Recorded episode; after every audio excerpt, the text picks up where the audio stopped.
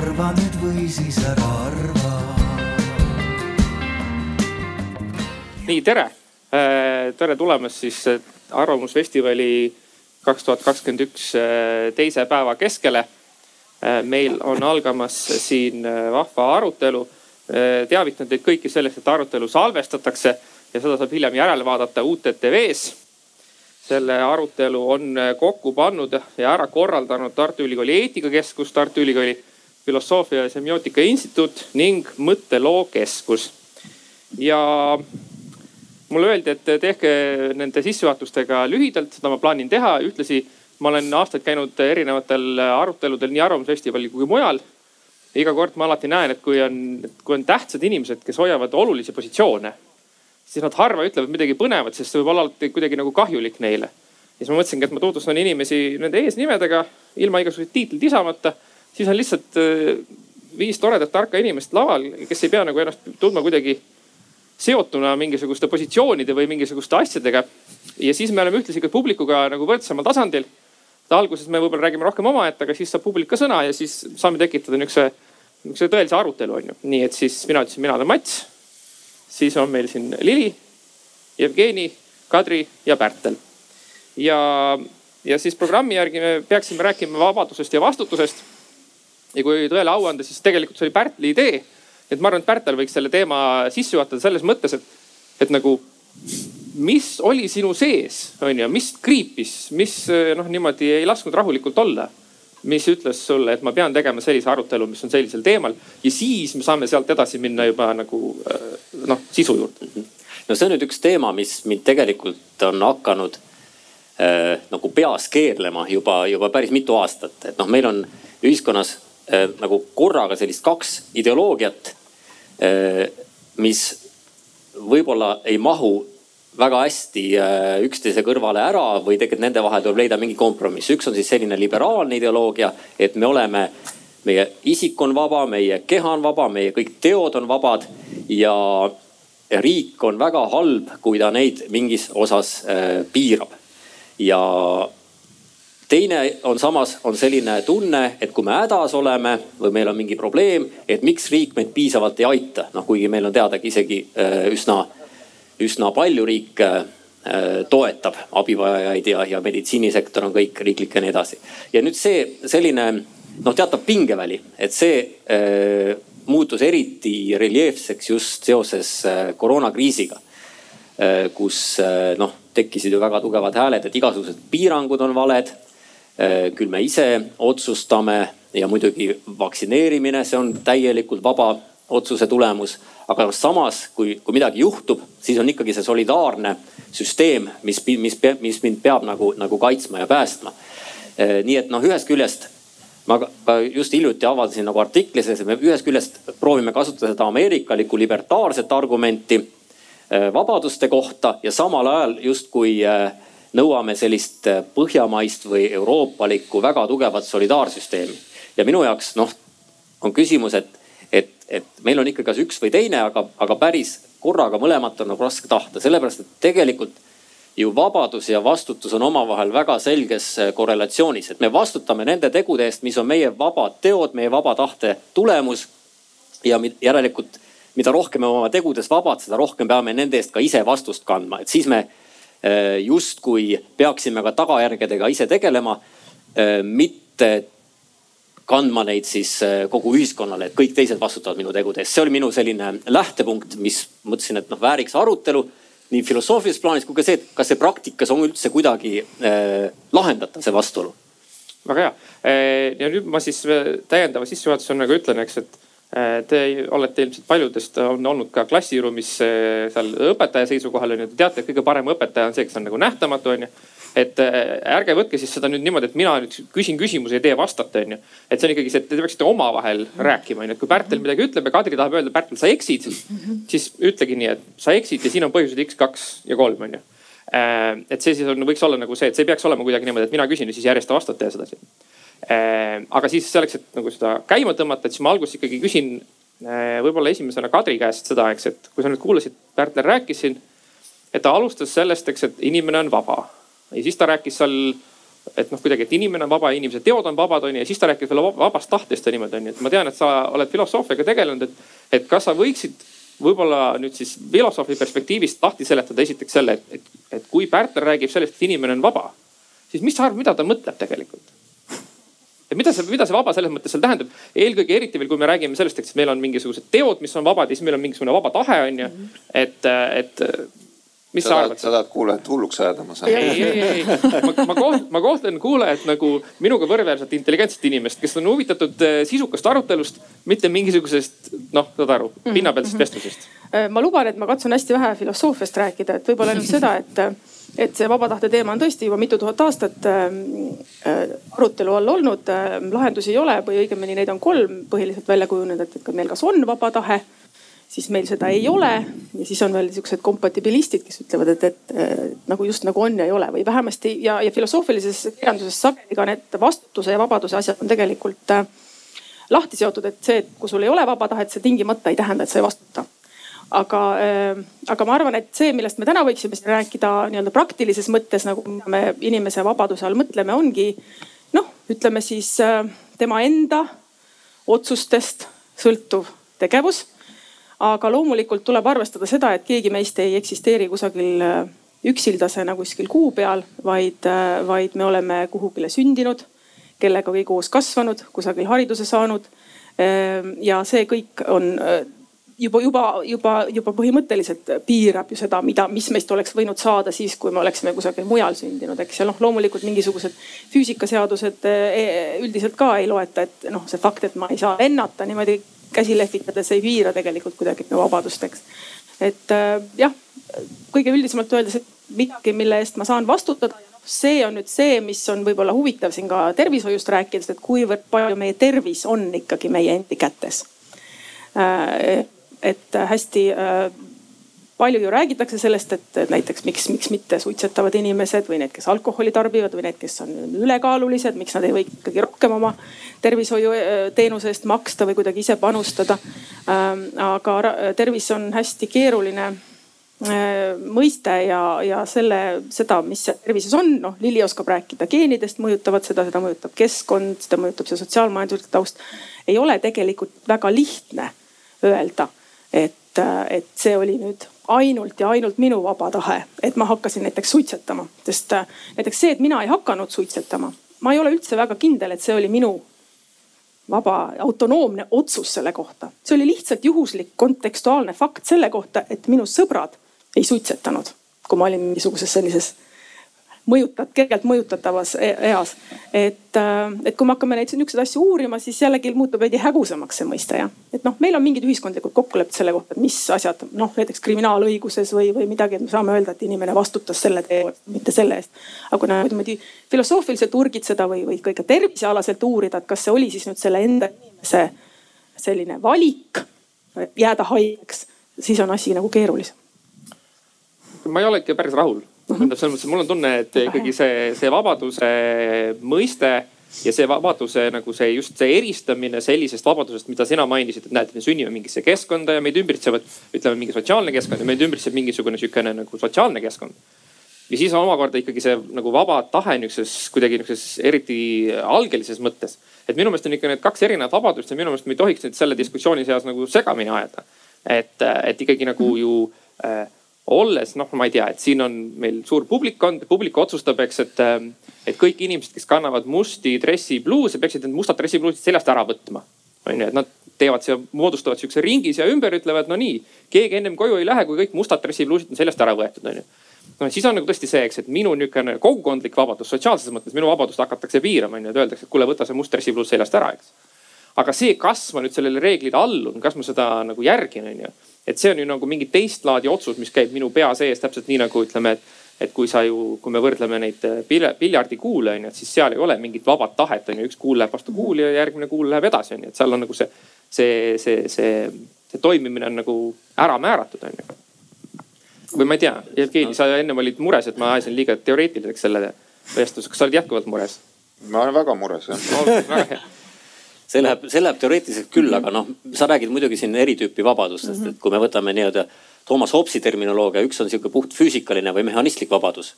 et äh, kas noh, jõgi on piiratud kallastega, ta ei saa voolata igale poole, et ta on vaba ainult ühes suunas voolama. ja teine on siis see, mis on, ütleme, riigikodaniku vabadus või kohustused, mis ei suuna mind füüsiliselt, vaid suunab keeldude, käskude ja karistuste kaudu mm. -hmm. et siis ma olen füüsikaliselt olema vaba neile mitte alluma, aga moraalses mõttes ja juriidilises mõttes ma ei ole vaba. et siis, kui ma mingi teo teen, mis on seaduses tulenev, siis ma vastutan selle eest ilmselt vähemal määral, kuna see ei ole olnud täielikult minu vaba tegu.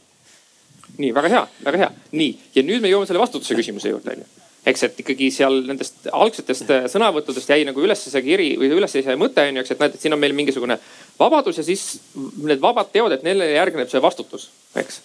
ja siis ma tahaks teada, aga miks see nii on? et äh, miks on nii, et kui ma teen mingi teo vabalt, et siis ma pean selle eest vastutama?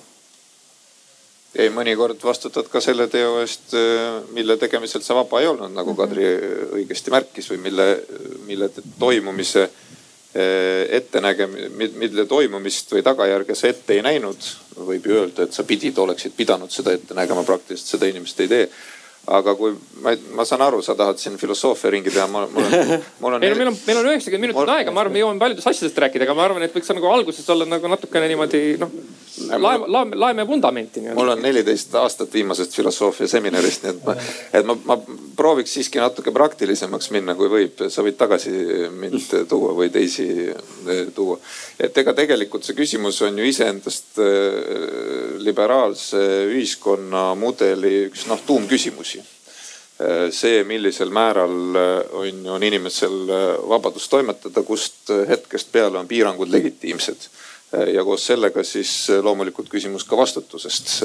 ja tegelikult noh te, teoorias ju on, minu meelest on noh, Pärtel selles artiklis, mida ta ise mainis, mida ma olen lugenud, hea artikkel on, lugege Päevalehest ähm,. siis tegelikult seal on ju noh, üldiselt selles osas äh, on, on teoorias ju noh, palju lihtsam, mis puudutab neid küsimusi, et, et on õigus inimeste vabadust piirata Äh, nendel hetkedel, kui äh, kaitstakse mingit laiemat hüve, ühiskondlikku hüve või kaitstakse teiste inimeste vabadusi.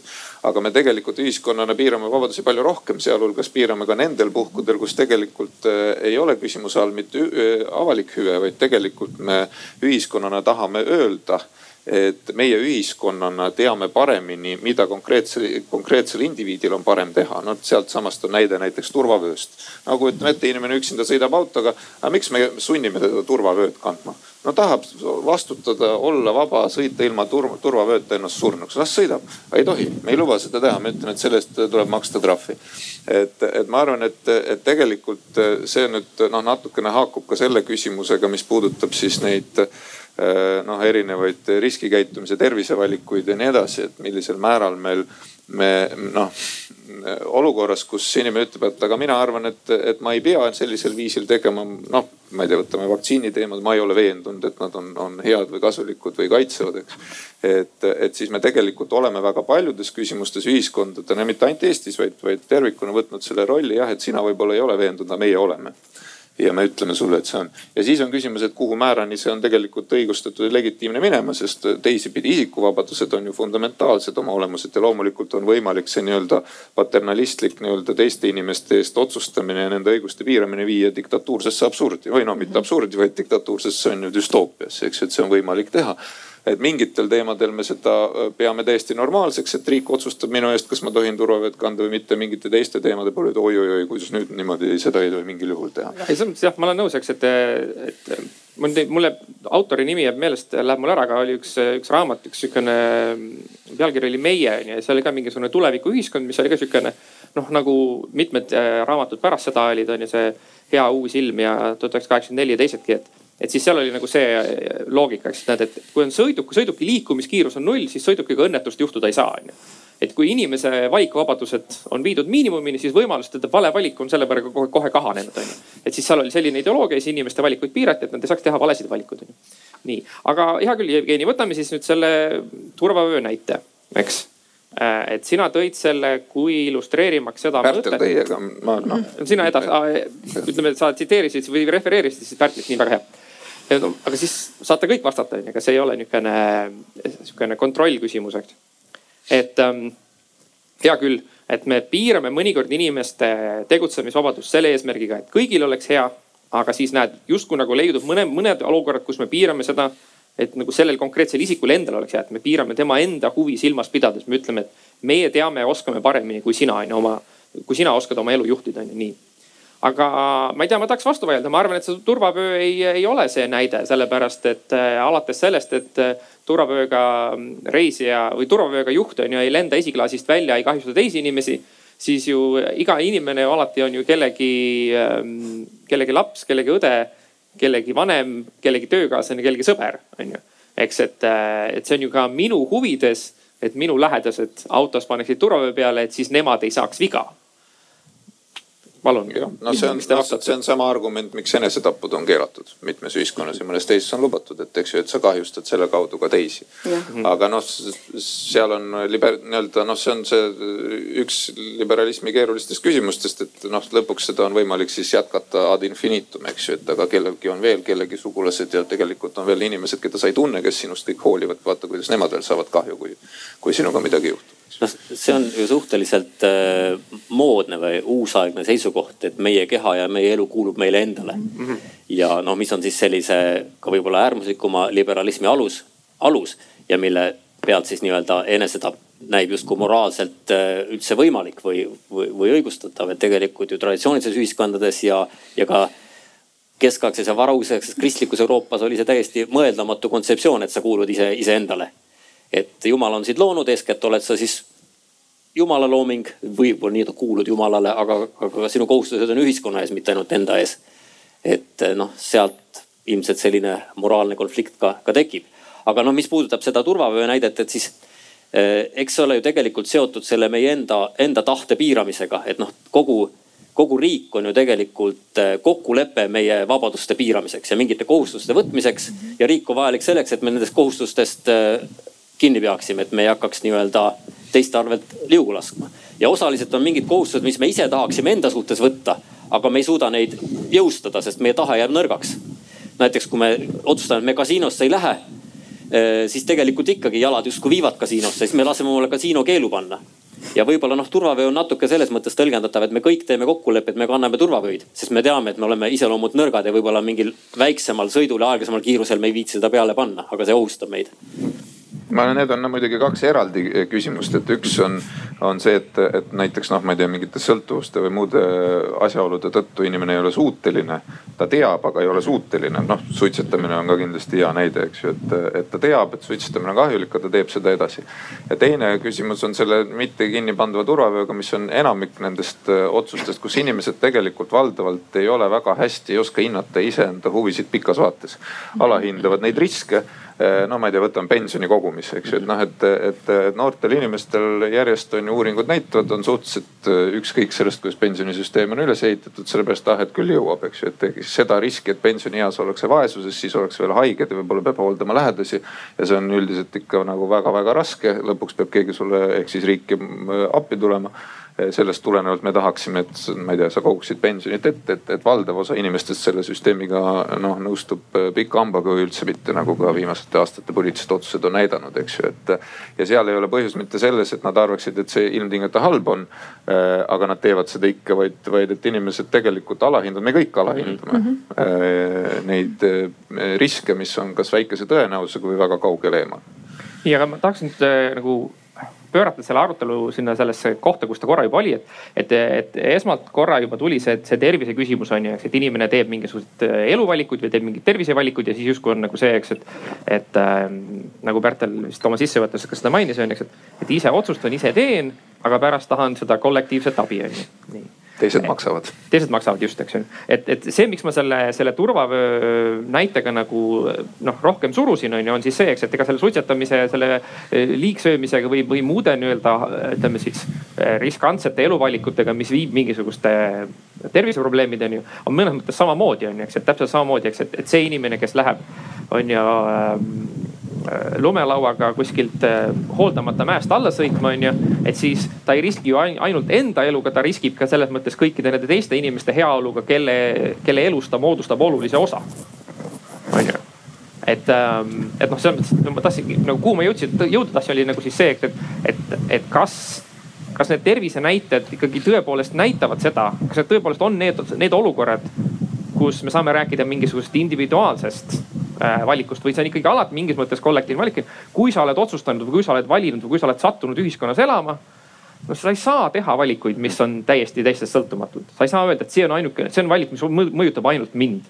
ja seetõttu ainult mina vastutan ja seetõttu noh, minge ära, onju. ärge, ärge trügige või ma ei tea, kuidas teile tundub no vabaduse võimalused on ühiskonna poolt ette määratud, noh selles mõttes, et see on loogiline, kui inimene ühiskonnas elab ja üheksakümmend üheksa protsenti meist seda ka teeb üsna suurel määral, nii et selles mõttes see on ju jah, ilmselge.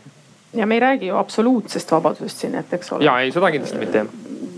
loomulikult me räägime nagu sellest, et mis on nagu realistlik ja see on ka muutus, on, see on ka ajaloos, ajaloolisest etapp, epohhist sõltuv või kultuurilisest kontekstist sõltuv või kõikidest nendest asjadest, mis on nagu mõistlik, mis on need, kus see, mis need vabaduse piirid on, aga noh, tervisest rääkides äh, jah, ma ei tea, Lili oskab siin öelda, kus see, kus nüüd, kus me teeme järjest rohkem äh, vähemalt, et kus, kus see tervis võib tulla või, või kus see haigus võib tulla, et kas, kas, kas võib olla niimoodi, et meie, meie arusaamad ka selles suhtes, et sa võib-olla peaksidki oma ravi ise kinni maksma, võivad, võiksid muutuda no tervises kõik põhineb ikkagi solidaarsusel, et äh, tervete inimeste arvelt makstakse kinni haigete inimeste tervishoiukulud.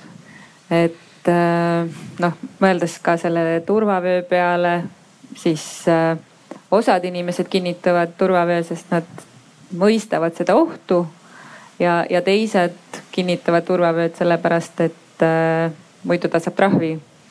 et ähm, ka tervishoius on või tervisekäitumises on ikkagi nii, et äh, osad inimesed on võimelised harrastama tervislikku elustiili ja osad inimesed on vähem võimelised äh, neid häid tervisesoovitusi mõistma, neid järgida ja noh, näiteks mida geeniuuringud näitavad, on see, et äh, rasvumisega seotud geenid on pigem geenid, mis on seotud meie ajutööga impulsikontroll, et kas sa suudad magusatele ahvatlustele vastu seista või mitte.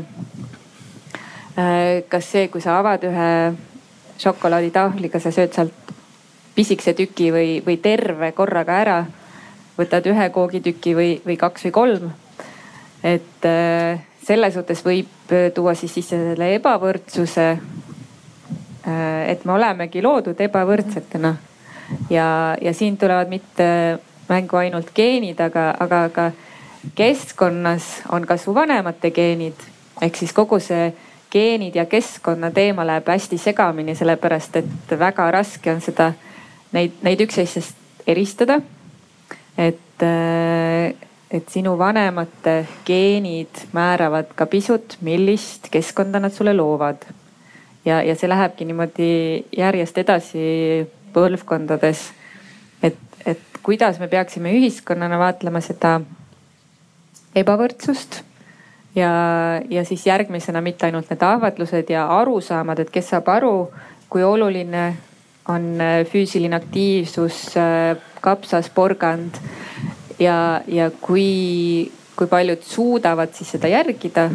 ja, ja teine küsimus on, et kui paljud jõuavad seda kinni maksta. et, äh, et Eh, kuidas eh, mõne söögilaual on alati kanafilee ja, ja sellised eh, tervislikumad toidud ja, ja teise pere ühe söögikorra eelarve on viis eurot. ja, ja siis sinna sisse ei mahu näiteks tervislikum äh, valik nii, aga väga hea, ma, ma tahaks sellel teemal natukene edasi sind, sind, sind suruda äh,. sest et äh, see johtub natukene ka sellega, mida Jevgeni varasemalt ütles selle kohta, eks, et inimestel on tihti või noh, mitte tihti, vaid inimestel ongi nagu see kehv äh, riskitunnetus ja kehv planeerimisvõimekus pika plaani peal on ju nii. ja nüüd sina rääkisid täpselt sellest, mida noh, mida me ka ju põhimõtteliselt teame, eks, et, et on mingisugused käitumismustrid, mis on ära määratud minu geenide poolt, vähemalt tugevalt suunatud sinnapoole, on ju, eks. ja siis lisaks on ju see, eks, et, et, et on minu vanemate geenid, kes, mis mõjutavad minu keskkonda ja niimoodi, on ju. et kas siis selles olukorras äh, nende kahe, ütleme siis tunnuse või nende omaduse pealt on ju, et meil on mingisugused kognitiivsed võime, võimetused. et me ei näe seda pikka tulevikku või me ei oska seda piisavalt hästi hinnata. Ja siis näed, geenid umbes ütlevad, et ma ei suuda vastu panna sellele kiusatusele on ju. et kas me peaksime siis minema Pärtli juurde tagasi ütlema, et kuule Pärtel, mis sa räägid siin mingisugusest vabadusest ja vastutusest on ju. ma ei ole oma käitumises vaba. jah, Eesti Vabariigi põhiseadus ütleb mulle mingisuguseid asju ja võib-olla poliitikud mulle kuulutavad on ju, aga tegelikult on ju mul on siin tead ajus on need impulsid käivad minust sõltumatult, ma teen mingisuguseid valikuid, ma olen mingis keskkonnas, siis ongi, et aga ma ei, ma ei saa vastutada nende valikute eest, ma ei olnud vaba, eks. et äh, minu aju tegi seda, mitte mina. Ma noh, ma võin selle kohta öelda, et, et kujutame, et hüpotees, et me ei ole absoluutselt, meil ei ole mingit tahtevabadust, et see on nagu tõene, et me oleme kõik mingid sihukesed keemilised masinad ja kõik on juba tegelikult ette otsustatud. kui me arvame, et me jõudsime mingile otsusele, siis tegelikult see on tagantjärele reflektsioon selle üle, mis meie ajus on juba ära toimunud. aga noh, sellisel juhul me saame ikkagi vastutuse kontseptsiooni käsitleda kui ühte nii-öelda no, puht instrumentaalselt, kui ühte sellist sisendit sellesse, sellesse masinasse, mis suunab meid nii-öelda paremas suunas käituma et noh, see on võib-olla selline võimalus, et kuidas me üldse saame vastutuse ideed õigustada olukorras, kus me ei ole tegelikult vabad aga nüüd siit noh edasi liikudes muidugi on see probleem, mis noh Lilli ka välja tõi, et noh, kui me prooviksime mõelda, et kas on võimalik näiteks meditsiinisüsteemis mingit omavastutust sisse viia. noh, seal on muidugi tohutult praktilisi raskusi, mida noh, Jevgeni võib kindlasti sellest rohkem rääkida. aga ka noh, puht selline filosoofiline probleem on ju selles, et kui omavastutus peaks eh, suunama halvema tervisekäitumisega inimesi paremini käituma, aga see halvem tervisekäitumine tuleneb sellest, et neil puudub impulsi kontroll, siis järelikult ka see vastutus või võimalik äh, mingit laadi karistus või, või see, et nad peavad ise maksma enda sellest, et see ei mõjutakski tegelikult nende käitumist, et tagajärg oleks pigem see, et nad on kibestunumad, jäävad ravist ilma ja ühiskondlik kulu on veelgi, veelgi suurem. või siis, või siis nagu Lilli ennem ütles, eks, et nad nagu, nad on oma terviseprobleemide tõttu juba sellises majanduslikus seisus, et neil puudub ka nagu see tegelik võimekus just, oma just. elu äh, muuta ja parandada ja, ja teha. just, et see on nagu see noh, võib-olla fundamentaalne Äh, probleem, mis, mis takistab sellist oma. no päris fatalistlikult ei tahaks ka sellele läheneda, et, et võib-olla on noh, selline äh, lihtne tavamõistuslik mudel võiks olla umbes see, et kui me äh, lihtsustame, et meil on tahtejõud skaalal null kuni üks et siis äh, sama, et hoiduda sellest šokolaaditahvlist, mõni peab panema null tahtejõudu ja teine peab, on ju, panema üks koma null ja, ja, ja mõni on ju kogu aeg teeb üks koma null, aga ikkagi sööb nii palju, et, et, et noh, on liiga palju, eks. nii et, et ei saa öelda, et see nendes kontekstis inimene ei saa mitte midagi teha, loomulikult ta saab teha ja sellepärast saab ta ka vastutada, aga ma arvan, et on noh no, oluline ja mõistlik äh, tõdeda, et need ebavõrdsused nii sotsiaalsed kui ka geneetiliselt on olemas ja sellest tulenevalt sellel on kahtlemata väga suured piirid ja piirangud sellele, mida siis riik diskrimineerimise mõttes tohib, äh, tohib teha ja mis on mõistlik teha. ega lõpuks noh, olgem ausad, ega siis äh, mõnele võib tunduda see toreda ideena, et näed, et kui nad suitsetab, et on ju üheksakümmend viis protsenti kopsuvähi haigetest on suitsetajad, et jätame, et las ravivad ennast ise. noh, siin koroona kontekstis mm. oleme sama asja kuulnud, et, et noh, et kui ei taha siin on ju kinni pidada reeglitest või vaktsineerida, siis ravigu ennast ise.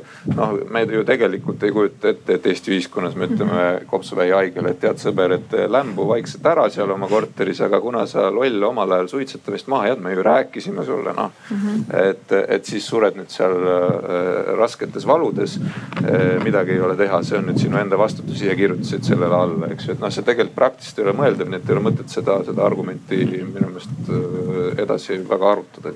väga hea. Ja sellel äh, niisugusel tõsisel toonil meil on üks publiku mikrofon kuskil on, eks. sealt tagant telgist tuleb. Ja väga hea.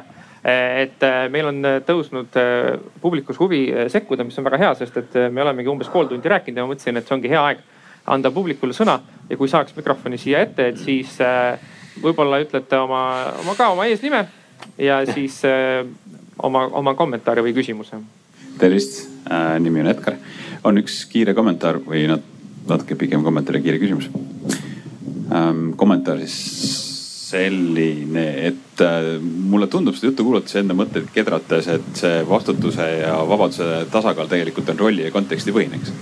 et sul on mingisugune mõistlik vastutustase vastavalt sellele, kui palju sa, või tähendab, kui sul on mõistlik vabaduse tase vastavalt sellele, kui palju sa vastutada suudad. et kui sa oled laps, eks ju, sa kasvad suuremaks, muutud adekvaatsemaks, mingi aeg sa võid käsitleda nuga, mingi aeg sa võid sõita jalgrattaga.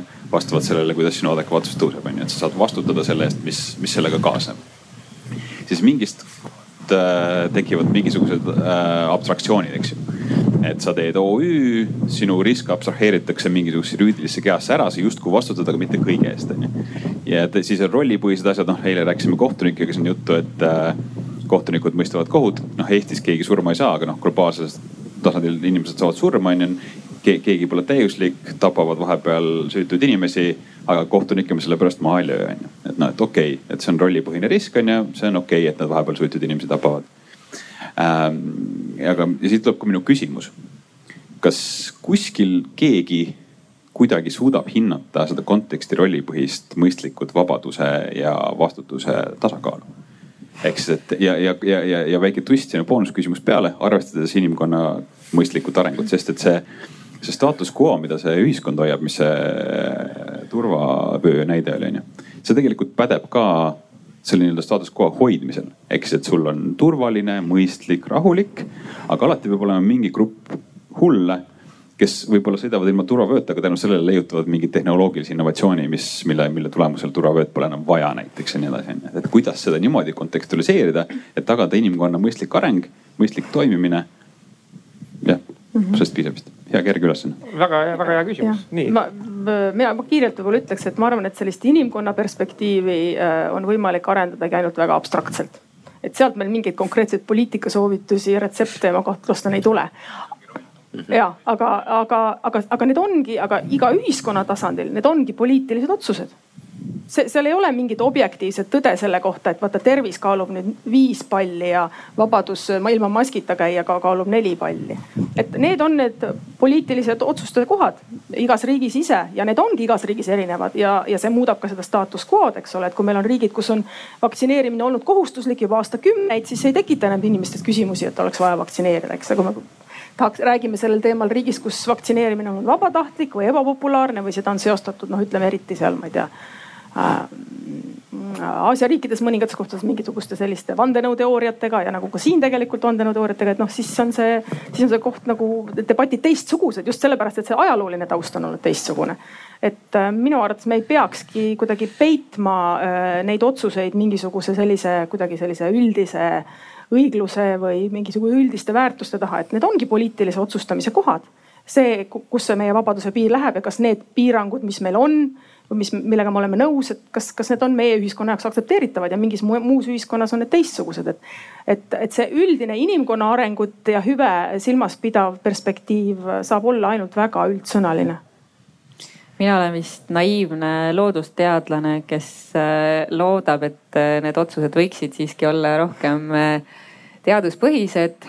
meil on siin endine minister, kes tegi väga julged otsused, et kaitsta inimesi alkoholisõltuvuse eest, et äh, võttes arvesse aju arengut, prefrontaalkoore arengut ja, ja mõeldes, millised otsused me oleme ühiskonnana vastu võtnud alkoholimüügi piirangute suhtes alaealistele.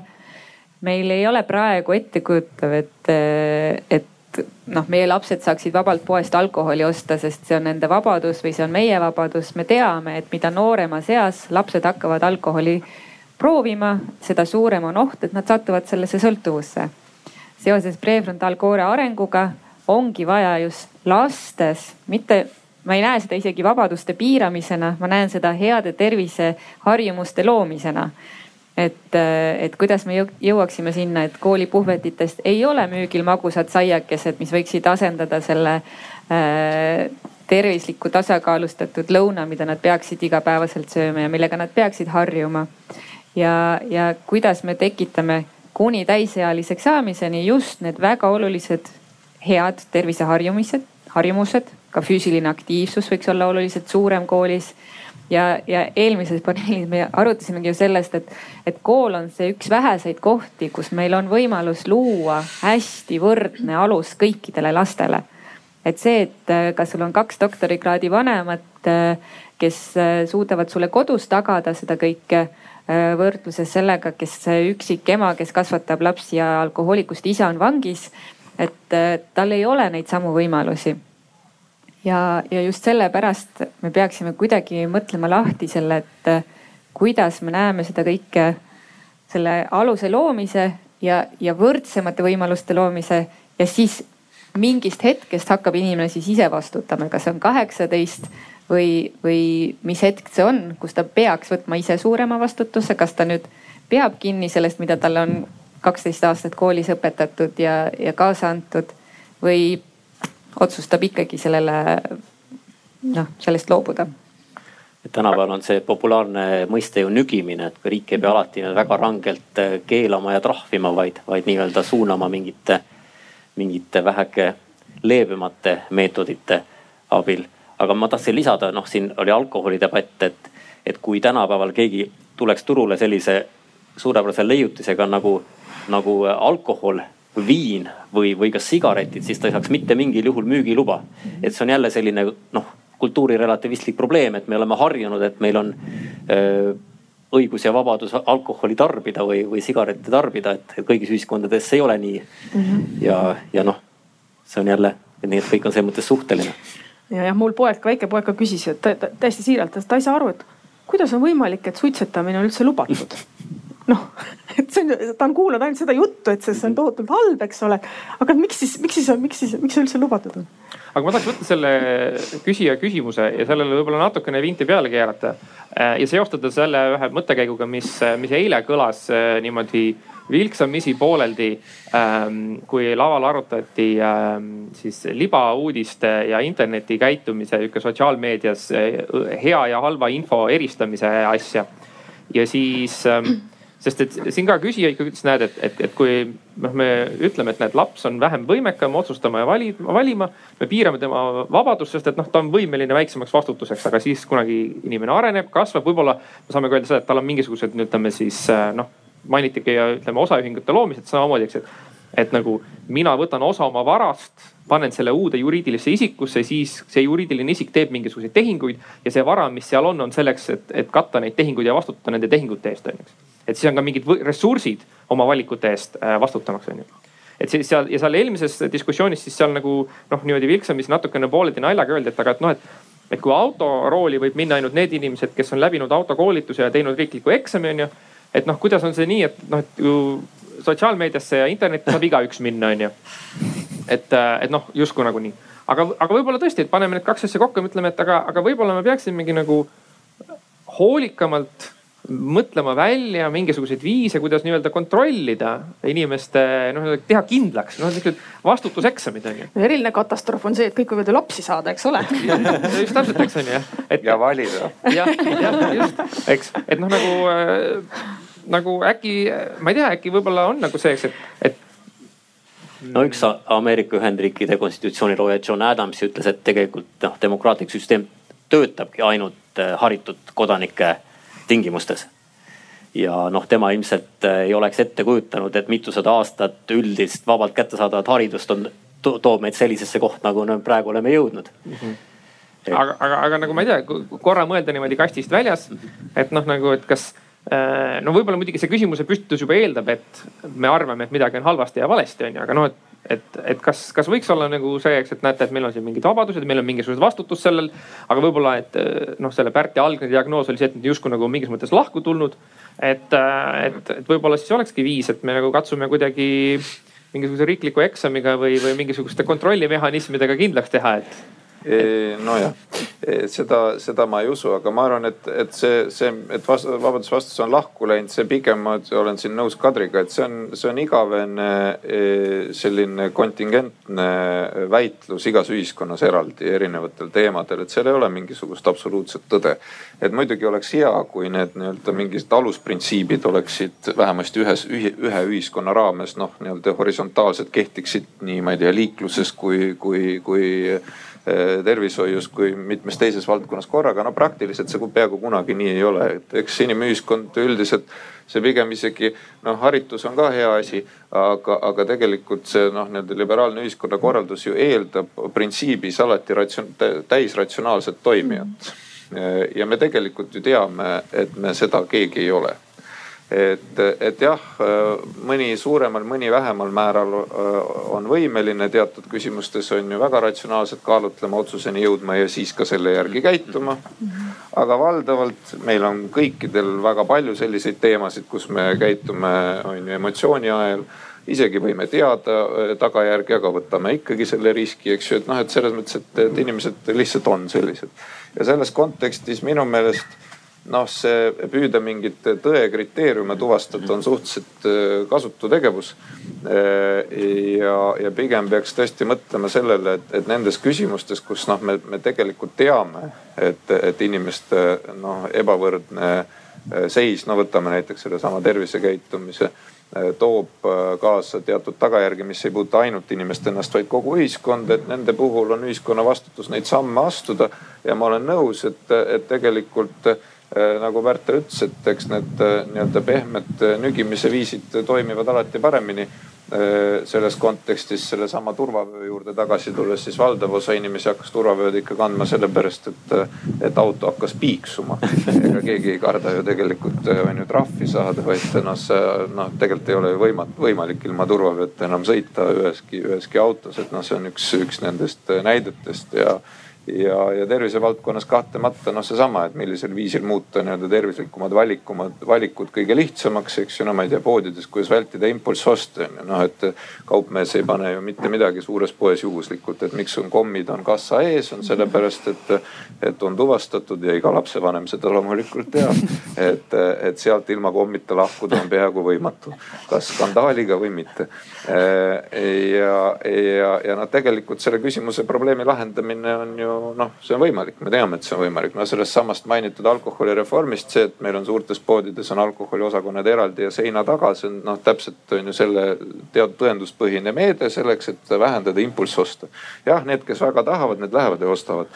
aga seda, et mööda minnes haaran ka pudeli, seda, selle, selle tulemusena vähe, et, et ja selle, see põhineb tegelikult sellel arusaamal, et meie ühistes huvides ja ka selle konkreetse inimese ühistes huvides on tarbida vähem ta, ta ehk siis me kõik ei ole selleks alati võimelised ja sellest tulenevalt me püüame luua meetmeid, rakendada mingisuguseid meetmeid, mis tegelikult toovad selle, selle tagajärje siis äh, väiksema alkoholi tarbimise näol siis esile jah, see on see valikute arhitektuur, millest need nügijad räägivad, et kuidas sa kujundad seda keskkonda, et millised valikud on hästi meeldivad, tehakse sulle lihtsaks prügi sorteerimine või äraviskamine, eks ole, või. või sa pead seda kuskilt internetist uurima tükk aega, et kuhu ma oma plekkpurgi viia saan, eks. Et äh, ma proovin ka noh natuke vastata, mis Mats küsis, et, et noh, sulle pakkusid välja sellise natuke düstoopilise visiooni, et selleks, et ei peaks millegi eest vastutama, võtame ka vabaduse ära, et noh, näiteks Äh, sotsiaalmeediasse juurdepääsu. seda ma ei mõelnud, ma mõtlesin pigem seda, et me lihtsalt nagu me, me püüame, noh, meil on ju täna ka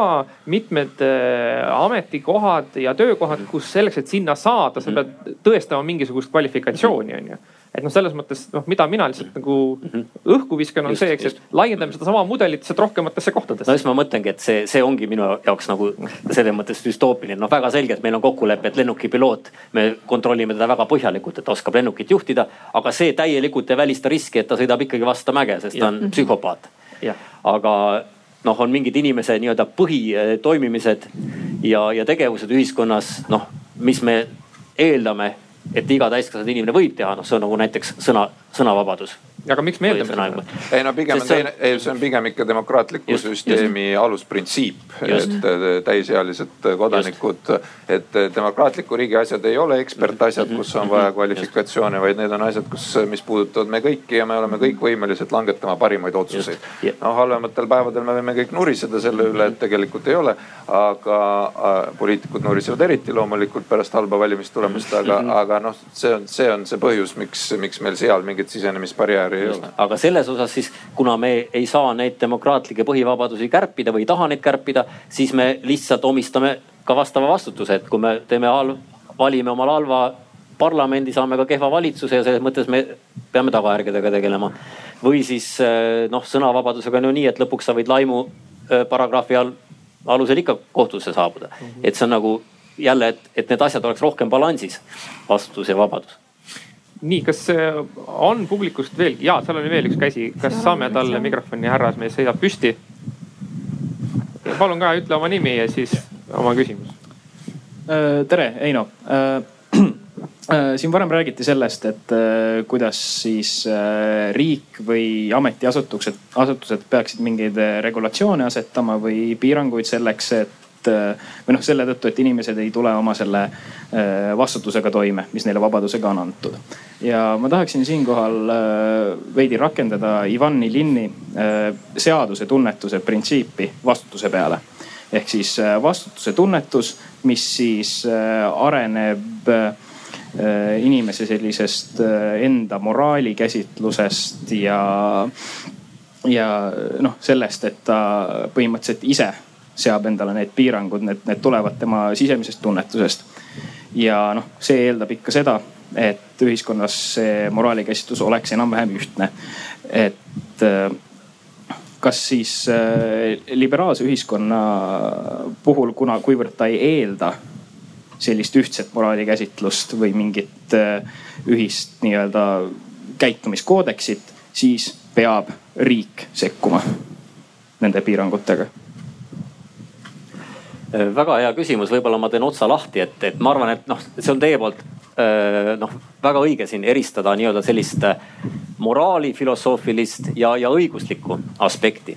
et tegelikult ka noh, liberaalses ühiskonnas me muidugi noh, kujutame ette, et, et meil on selline ühiskond, kus keegi ei moraliseeri sinu üle, aga tegelikult see ju toimub äh, pidevalt ja on tõesti mõned, mõned tegevused, mille puhul me tunneme, et me ei saa nii-öelda juriidilist vastutust omistada.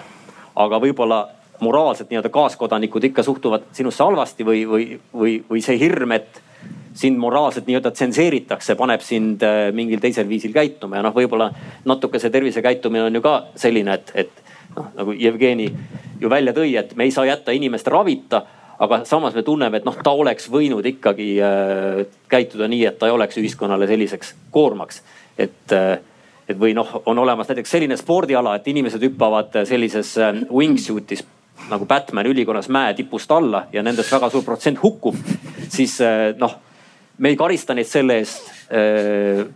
me matame nende jäänused, aga me noh, tunneme, et see ei olnud väga mõistlik tegu, võib-olla ka see on mingi moraalne hinnang.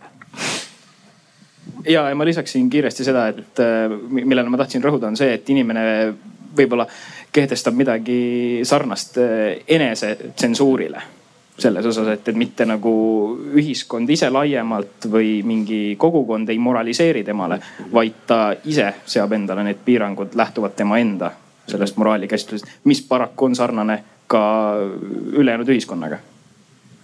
nii, kas siin ees oli ka veel üks küsimus jah, veel kommentaar jah, jah.? et äh, tahtsin lihtsalt võib-olla ühe nüansina äh, natuke Äh, relativeerida äh, Kadri äh, väikest viisi kultuurirelativistlikult kõlanud argumenti. et, et iga ühiskond otsustab ise, et kindlasti põhiliinis nõus aga sisulises plaanis me tegelikult juba natuke liigume selles suunas, et ikkagi hakata otsima neid aluseid, et mille alusel siis üks või teine ühiskond niiviisi otsustab. ja, ja, ja muidugi ka, kui me küsime nii-öelda universaalsete väärtuste kohta ja nii edasi, eks ole, siis me samamoodi ikkagi kogu aeg otsime, et noh, et äkki ikkagi on mingisugused alused, et Lili mainis siin, et tervis äkki ikka on täitsa universaalne väärtus, eks ju, et või et võib-olla me selle põhjal võime päris rahuliku südamega seda nügimist vähemasti teostada. ja, ja, ja teise momendina käisid siit läbi demokraatliku ühiskonna põhiväärtused, ähm, sõnavabadus. no me võime ju tegelikult rääkida ka sellise perfektsionistliku liberalismi mõttes, et on mingisugune niisugune nii-öelda isiksus, mida me peame igal juhul kaitsma, et tõesti näiteks usuvabadus, sõnavabadus, sellised asjad käivad sinna alla, et ei, ei nende kallale mitte mingil juhul ühiskond ei peaks piirangutega minema. aga siis on teised asjad, ühesõnaga me omistame asjadele erinevaid väärtusi. Äh, ma ei taha kuidagi siin hakata ajama seda debatti teil selles suunas suunas, et kas universalism või relativism. aga igal juhul minu meelest oleks hästi oluline meeles pidada, et ikkagi selliste nii-öelda me teeme erinevaid väärtusotsustusi ja sellel on hästi-hästi oluline mõju ikkagi ka sellele, kuidas me tajume piiranguid. sellepärast, et praegu selles nii-öelda vaktsineerimisdebatis, mis ju selle elevandina siin toas tegelikult meie kohal kõrgub ja kuhu me veel jõudnud ei ole. on, on ju, on ju väga palju tegelikult küsimust selles, et noh, et mi, mi, kuidas me neid piiranguid hindame, kas iga piirang alati on kohutavalt halb või on mingisugused piirangud, mis eriti palju meid ei vaeva. tuletaks meelde Andrus Kivirähu viimast juhtkirja, kus ta ütleb, et no mis see süst sulle ära teeb, et tee ära see süst ja ela edasi ja kuula teadlasi ja, ja eksperte, eks ole. et see ei ole võib-olla sama sorti niisugune nügimine või sama sorti piirang kui mõni teine, mis ütleb sulle, et noh, et, et midagi, mis läheb sügavalt sinu usu ja, ja, ja isiksusega vastuollu, et tahaks uurida ka seltskonna kommentaari sellele mõttele. nii, aga palun reaktsioonid Eevale Kadri, sinu nimi käis läbi. ja, ja, ja ei muidugi ma, ma ütlengi, et muidugi abstraktsel tasandil on see ühis, noh kõik inimõiguste diskursus ja inimväärikuse kogu see paradigma, see on ju ikkagi see, millel on see universalismi silt väga küljes, aga see just nimelt, kuidas me tajume ja kuidas me ajalooliselt oleme nagu oma ühiskondades rakendanud ja mõistnud neid, neid termineid ja neid piire nagu pidanud õigeks või valeks, et see on hästi-hästi kontekstitundlik küll. et ma olen nõus minu meelest on ikka individuaalselt rohkem, et või noh, vähemasti ühiskonna korraldamise kontekstis tuleb minu meelest sellest lähtuda. et noh, minu abikaasale näiteks kiiruspiirangud ei tee midagi, aga minu jaoks on see suhteliselt suur koormav piirang, eks. inimesed on erinevad, selles mõttes, et noh, lihtsalt nii ongi ja, ja selles mõttes me mõlemad saame aru, et nad on legitiimsed, eks, aga, aga ühte, üks asi häirib ja teist mitte, et selles -hmm. mõttes, et aga sellest selle pealt ei tasu nagu, no see ongi see, et, et kui meil on liberaalne ühiskond just nagu, mis, mille üks põhisisusid on ju see, et, et, et neid hea elu, see, milline on üks hea elu, see liberalism sulle seda ette ei kirjuta, vaid ta tagab sulle mingisugused põhivabadused, mille raames igaüks saab siis seda elu elada, eh, teisi segamata. Eh, aga sellest, sellest, sellest ei tähendunud, tähend-, järeldunud ikkagi, et mingeid printsiipe ei ole, eks seesama see vabaduse, võrdsuse, ka solidaarsuse printsiip näiteks, et noh, need on ikkagi olemas. ja, ja mõnikord tundub, et noh, näiteks nendest piirangutest rääkides ka, et see ongi ju nagu just, just nagu see vabaduse piiramine, eks ole et, et kuidas me, et kelle jaoks on kõige olulisem tervis, kelle jaoks on kõige olulisem see, et ta saaks ilma maskita käia või, või kiiresti autoga sõita, mis, mis iganes. et noh, need asjad on ju tegelikult äh, meie kõikide jaoks olulised väärtuste keeles, kui me räägime äh, vabadustest.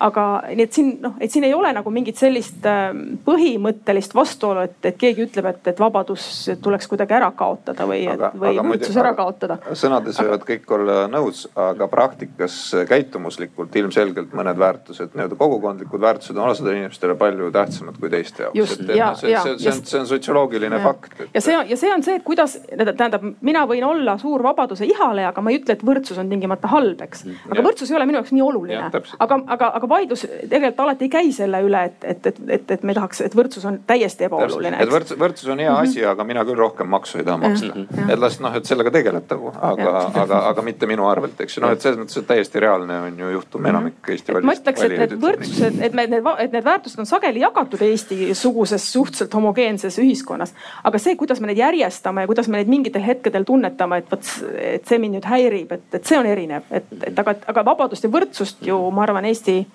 erakondlikul maastikul väärtustavad kõik, aga jah, et kuhu sa selle täpselt paned, kui nad on omavahel konfliktis ja nad on omavahel konfliktis, eks.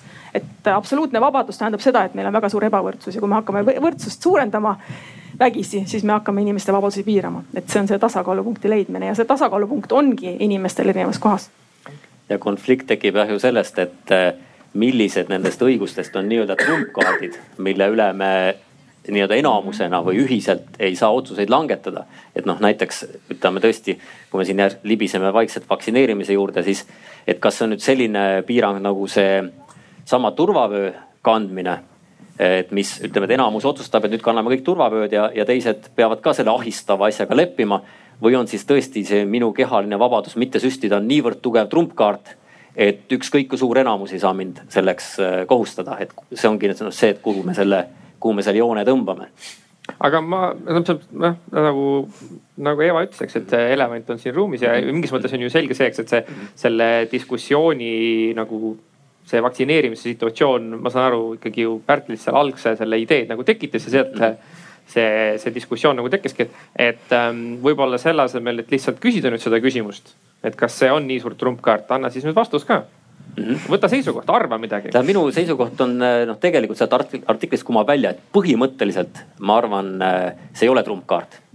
et kui on äh, olemas nii-öelda ülekaalukas äh, üldine huvi ja see on nii-öelda, see meede on proportsionaalne, siis võib enamus seda otsustada ja noh, seda, see on tegelikult kooskõlas sellega, mida siis ka noh, näiteks Euroopa Inimõiguste Kohus on leidnud. et kui on mingi selline haigus, mille puhul on näiteks nõrgemate kaitsmiseks äh, immuniseerimine kas siis ainus vahend või kõige efektiivsem vahend või kogukonna immuunsus. et siis on äh, võimalik inimesi kohustada vaktsineerima, aga samas ei ole kuskil riigis mindud selleni, vähemalt mitte demokraatlikus riigis, et see vaktsineerimine oleks, oleks nii-öelda jõu, jõuga või täiesti sunduslik. et see on ikkagi jälle see proportsiooni küsimus, et kas seal on siis mingid piirangud või mingid karistused, aga alati jääb tegelikult äh, erandite võimalus ka noh religioossetel kaalutlustel. et see on selles mõttes ta nagu kaudselt kohustuslik, aga mitte sunduslik. aga mis, mis teised ütlevad selle kohta? mis Olen... see küsimus on? ei no küsimus oli vist siis, ütleme, me sõnastame siis seda, selle niimoodi, eks. kas vaktsineerimine peaks olema kohustuslik? kas sinu riik tuleb ja surub sulle siis? et kas see on, kas sinu kehaline vabadus mitte vaktsineerida on trumpkaart, mis, mille sa võid ka... iga hetk välja käia? kui kaaluda seda trumpkaardi teemat, et äh, siis meil on üks segav faktor veel võrreldes äh, turvaveedega, et äh, et valeinfo levitamine, et keegi ei levita valeinfot, et, et see turvavöö on sulle kahjulik või et lapsed on surnud, sest nad kasutasid turvavööd, on ju, aga, aga vaktsiinidebatis meil on äh, kahjuks äh, mingid jõud, mis tahavad lääneriiki nõrgestada või, või muul moel levib see valeinfo. Äh, noh, näiteks konkreetselt vigases eesti keeles sotsiaalmeedias levib mingisugune väide, et äh, Eestis on kaks last surnud äh, vaktsiinisüstist ajal, mil Eestis veel ei vaktsineeritud lapsi. et äh, kui, kui inimesed levitavad sellist infot, siis, siis meil on nagu suurem probleem, et, et see tekibki mingi võlts trumpkaart, et, et nad, nad mingist valeinfost arvavad et vaktsineerimine võiks olla kahjulik ja sellepärast nad tahavad ennast kaitsta. aga millegipärast äh, keegi noh, võib-olla keda inimesi nii rumalaks ei peeta, et nad hakkaks nüüd valeinfot levitama, et, et turvavöö kasutamine on sulle kahjulik.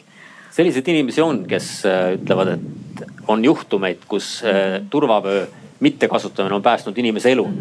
et näiteks nad paiskuvad õigel ajal aknast välja, enne kui auto plahvatab. Ja sellest tulenevalt mõni eirab turvavöö kasutamise reeglit, nii et noh, inimese ratsionaalne mõistus on võimalik kõiksugu skeeme konstrueerima. aga see ongi täpselt see, et osad inimesed usuvad lugusid mm -hmm. ja teevadki otsuseid lugude mhm, põhjal mm -hmm. ehk üks laps kusagil just, just. sai mingi tõsisema kõrvaltoime mhm. saja mm -hmm. miljoni pealt või miljoni pealt. aga, aga teised inimesed usaldavad andmeid ja numbreid ja statistikat et äh, kui numbrid näitavad, et äh, vaktsineerimine on kordadest ohutum kui, kui viirus, siis nad langetavad selle andmete põhjal selle otsuse. Äh, mina arvan, et ei peaks olema sunduslik, aga ma arvan, et on täiesti mõeldav jah, et meil on mingid muud kaudsed mehhanismid, mille abil on võimalik siis suunata inimesi, noh näiteks kasvõi seesama, et sa hakkad ise maksma oma testide eest, mida sa pead siis kogu aeg hakkama tegema, eks, et sa ei lähe enam tasuta testima.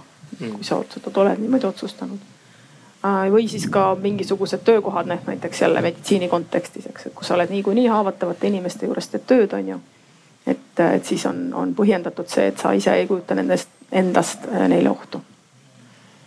aga nagu ütleme, kui me ennist on siin mainitud seda nügimise äh, mõistet ja siin on räägitud valik, valikute arhitektuurist ja niimoodi on ju, eks, et, et ähm, ja no ma tean, et Ameerikas on kasutatud igasuguseid siukseid väga tugevaid erinevaid positiivseid stiimuleid selleks, et saada inimesi vaktsineerima, on ju. eks, et, et see on ka siis kuidagi niimoodi, et okei okay,, kõigile jääb see nende vaba valik ähm, aga et siis noh, püütakse nagu seda valikut nagu mõjutada mingis suunas, et näed, saad osaleda loteriis või et umbes, et saad tasuta õlle, onju. et noh, põhimõtteliselt jah, et, et noh, nügimise loogika on ju selles, et inimest alateadlikult äh, või te, temale teadmata manipuleeritakse temaga ja seal on mm -hmm. oma eetilised äh, kaalutlused kahtlemata olema ja selle, olemas ja selle tõttu ma arvan, et see baasprintsiip on noh, sellel, sellel konkreetsel juhul on see, et ühiskond otsustab, et sõltuvalt sellest, mida inimene arvab, on see nii temale kui kõigile teistele hea et teda vaktsineeritakse. no siis on edasi juba tehniline küsimus, eks ju, et ma arvan, et keegi meist ei arva, et ma peaks süstlaga siin ringi jooksma.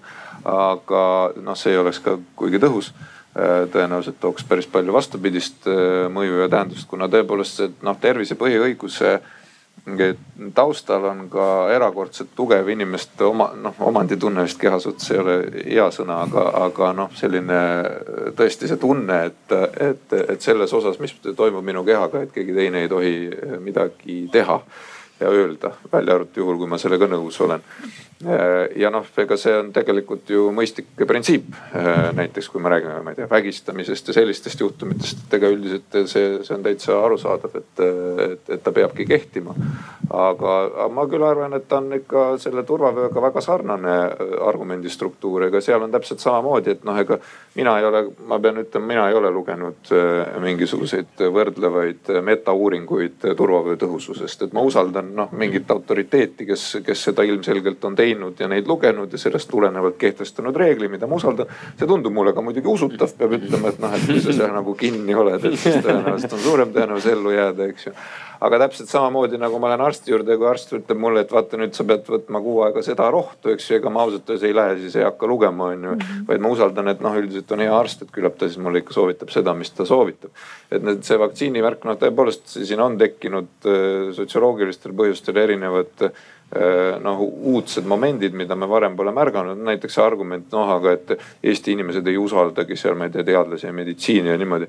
no kuulge, minu vanaema neelab tablette niimoodi noh pakkide viisi, eks ta ei tea isegi, mis noh, mis, need, mis seal karpides tal on, on ju, lauaalune on täis neid. et, et arst kirjutas jälle uued rohud, võta nüüd neid ka, eks ju, et noh, et mis nüüd siis vaktsiinidega teistmoodi on, täpselt samamoodi kirjutati on ju äh, rohi. aga millegipärast, et vot ei tea, helistas mulle, küsis, et kas ta ikka läheb, vot ei tea, võib-olla peab ootama kasutama. et, et teiste ravimite puhul ei ole seda teinud. nii et noh, selles mõttes, aga iseenesest ma arvan printsiibis, et, et, et ma ei, ma ei suuda ka leida iseendast ikkagi äh, muud vastuargumenti sellele, et äh, peale, peale puht praktiliste et noh, et inimesed, kes on tõesti väga veendunud, et see on näiteks neile ohtlik on ju, et noh, me peame aru saama, et need inimesed, kes ei lase ennast vaktsineerida, no mõned on sellised, et ah, et ma ei viitsi või mind ei huvita, aga no suur, päris paljud on siiski sellised, kes põhimõtteliselt keelduvad vaktsineerimist, kuna nad arvavad, et nad teevad sellega endale head et siis ei ole noh mõtet minna neile ütlema, et tegelikult vaadake, te teete endale halba. no nad on täiesti veendunud, et nad teevad endale head. ja sellest tulenevalt on küsimus noh, et, et, et, et, et seda ei ole võimalik noh, niimoodi kui, kui seda püüda, siis murda nii-öelda riikliku jõuga. see tekitab ja on valdavalt tekitanud ka teistes riikides täitsa vastupidiseid äh, siis reaktsioone. no näiteks, et kui on kuskil riigis püütud laste vaktsineerimist muuta kohustuslikuks, et siis on suurenenud näiteks kodusünnituste arv et nad noh, et inimesed ei taha siis oma lapsi sinna, kes on veendunud äh, antiväkserid, ei taha oma lapsi meditsiinisüsteemi viia. see on kindlasti ohtlikum kui see, et need lapsed jäävad vaktsineerimata sellel, sellel hetkel samamoodi ju tegelikult noh, üllataval kombel Ameerika, mis on ju väga noh, nii-öelda vabaduste keskne. seal on äh, üsna karmid sanktsioonid just nende laste vaktsiinide osas, näiteks isegi koolidesse neid ei, ei lasta. et, et noh, selle meetodi rakendamine on ka väga küsitav, sest siis jääb lapse teine põhiõigus ehk, ehk õigus haridusele jääb, jääb saamata, et et noh, Ameerikas me teamegi, et ongi siis kogukonnad, mis iseennast ravivad ja ise enda lapsi Ennast koolitavad ja, ja on siis nii-öelda ühiskonnast või moodustanud oma nii-öelda miniühiskonnad. seda me ka kindlasti ei taha. Okei okay,, aga kui me, kui me ennist nagu mingis mõttes rääkisime, alguses rääkisime siis sellest, eks, et, et ähm, et, äh, et kui me anname inimestele vabaduse mingisuguseid valikuid teha, et siis nende vabadustega siis kaasneb see vastutus, et näed, et sa, et hea küll, et sul on see võimalus teha seda tegevust X, aga siis sa pead arvestama nende tagajärgedega Y on ju, eks, et. noh, nüüd äh, me oleme saanud selgeks on ju, mis on siin äh, teie veendumus selles osas, eks, et et, et kuidas peaks vaktsineerima, kuigi Pärtel, ma näen, sul ikkagi ei ole seda käepaela, eks, su käepael.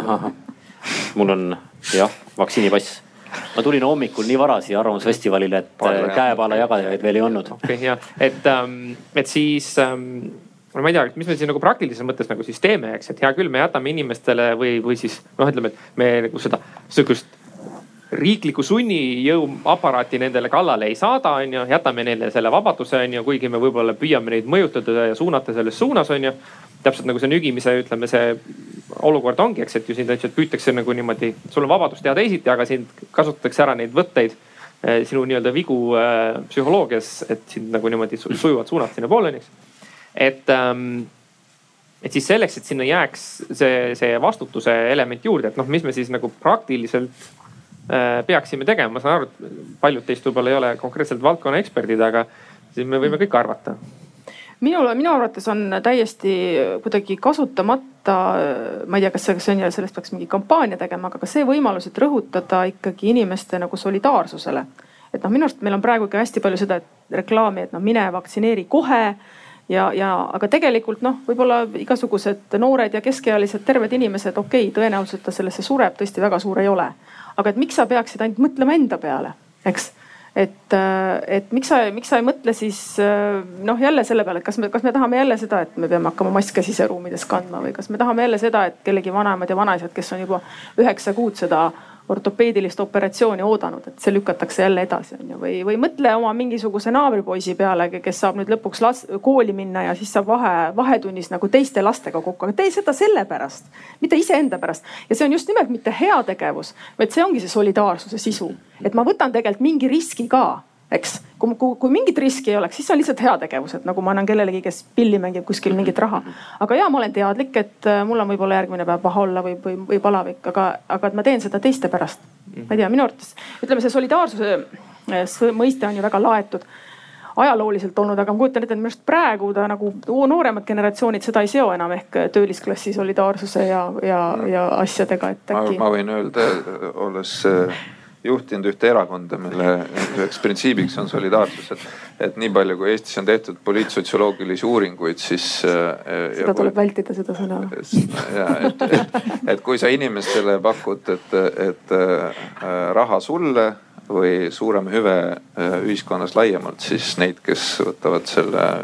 suurema hüve, neid on vähe. Neid on kahjuks ei ole valimiskünnise jagu no natuke rohkem okay., aga no ühesõnaga, et see, see on tore küll, aga äh, printsiipe kindlasti võib rääkida ja, ja mingeid üksikisikuid see võib-olla mõjutab, aga iseendast ega see noh, see ju küsimuse püstitus ju lähtub ju tegelikult sellest, et meil on väga noh, sellise siirdeühiskonnale omaselt väga juurdunud just nimelt selline väga individualistlik lähenemine mm. -hmm mis puudutab minu otsustusvabadust ja sealt see paradoks tuleb, aga teiselt poolt, aga miks peab siis äh, ravijärjekorras seisma, eks ju, et noh, et selles mõttes see, see ongi see, kust noh, teatud selline sõlmpunkt, kust on vaja kas ühele või teisele poole noh, loogiliselt mõeldes ju üle saada, et kas sinnapoole nagu noh, ma ei tea, kui tervishoiusüsteemist rääkiks nagu Ameerika Ühendriikides, et olgu, et sinu vastutus, aga siis noh, võtad laenu, kui on operatsiooni vaja või siis teisele poole, et kui sa tõepoolest tahad, et sul oleks solidaarsem, ma ei tea, tervishoiusüsteem siis see tähendab ka seda, et sa pead eh, ise käituma teistmoodi, kas siis maksma rohkem või tervislikumalt elama, eks ju, et et seal me selles sõlmpunktis oleme, nii et, et, et räägime lihtsalt rohkem solidaarsusest, tõenäoliselt ei ole see lahendus mm. -hmm. ei no ma mõtlesin ikka sellist kampaaniat, kus sinu naabripoiss Ta- ja, ja nügimine, nügimine, et naabripoiss Taavi rõõmsasti naeratades kaks esihammast puu, puudu läheb, et ma lähen nüüd esimesse klassi ja ma saan oma sõpradega vahetunnis mängida, mitte ei pea ekraani vaatama, et noh, ikka, ikka ikkagi see alateadvuslik nügimine jah, mitte ainult sõnad. see on jah, see noh, Jevgenile kommentaariks, et me ju tahtsime saada Põhjamaaks, aga ilma solidaarsuseta. et mis on tegelikult see Põhjamaadele kõige omasem ühiskondlik sihuke juht, juhtprintsiip ja noh, ja seesama solidaarsus, et kui seda kasutatakse, siis tõesti selles ühepoolses mõttes, et, et riik peab olema minuga solidaarne, aga mitte mina oma kaaskodanikega. aga, aga muidu noh, nii-öelda toetades seda, mis sa ütled, siis ega see on kahtlemata üks põhjus, miks, miks Põhjamaades on vaktsineerimise protsent on ju noh, eakatel sada ja, ja kõikidel teistel läheneb kiiresti sellele. et ja me oleme siiski noh, väga selgelt hoopis teistsuguses riikide grupis aga võib-olla ma viimase teemana tõstataks korra siis selle, eks, et äh, mida alguses, kui me seda arutelu kavandasime, siis ma vist lubasin sellest rääkida alguses, aga siis mul läks meelest ära ja nüüd tuli uuesti meelde, eks, et, et ähm, et ma kutsuks siis üles teid äh, spekuleerima või siis ka andma oma mingisugust hinnangut sellele küsimusele, et, et miks see, vabandust. et miks see nii on eks, et meil on sihukene see lahknevus on nagu, on nagu tekkinud, eks, et, et nagu, nagu Pärtel just äsja ütlesid, et justkui eh, tahame olla Põhjamaad niimoodi ainult, et ollakse solidaarne minu suhtes, aga mina teiste suhtes ei ole solidaarne. no vabandust, see on ju maru mugav, siin ei ole midagi arutada. et kui mina kohtun valijatega, küsin, kes arvab, et Eestis peaksid olema madalamad maksud? jaa.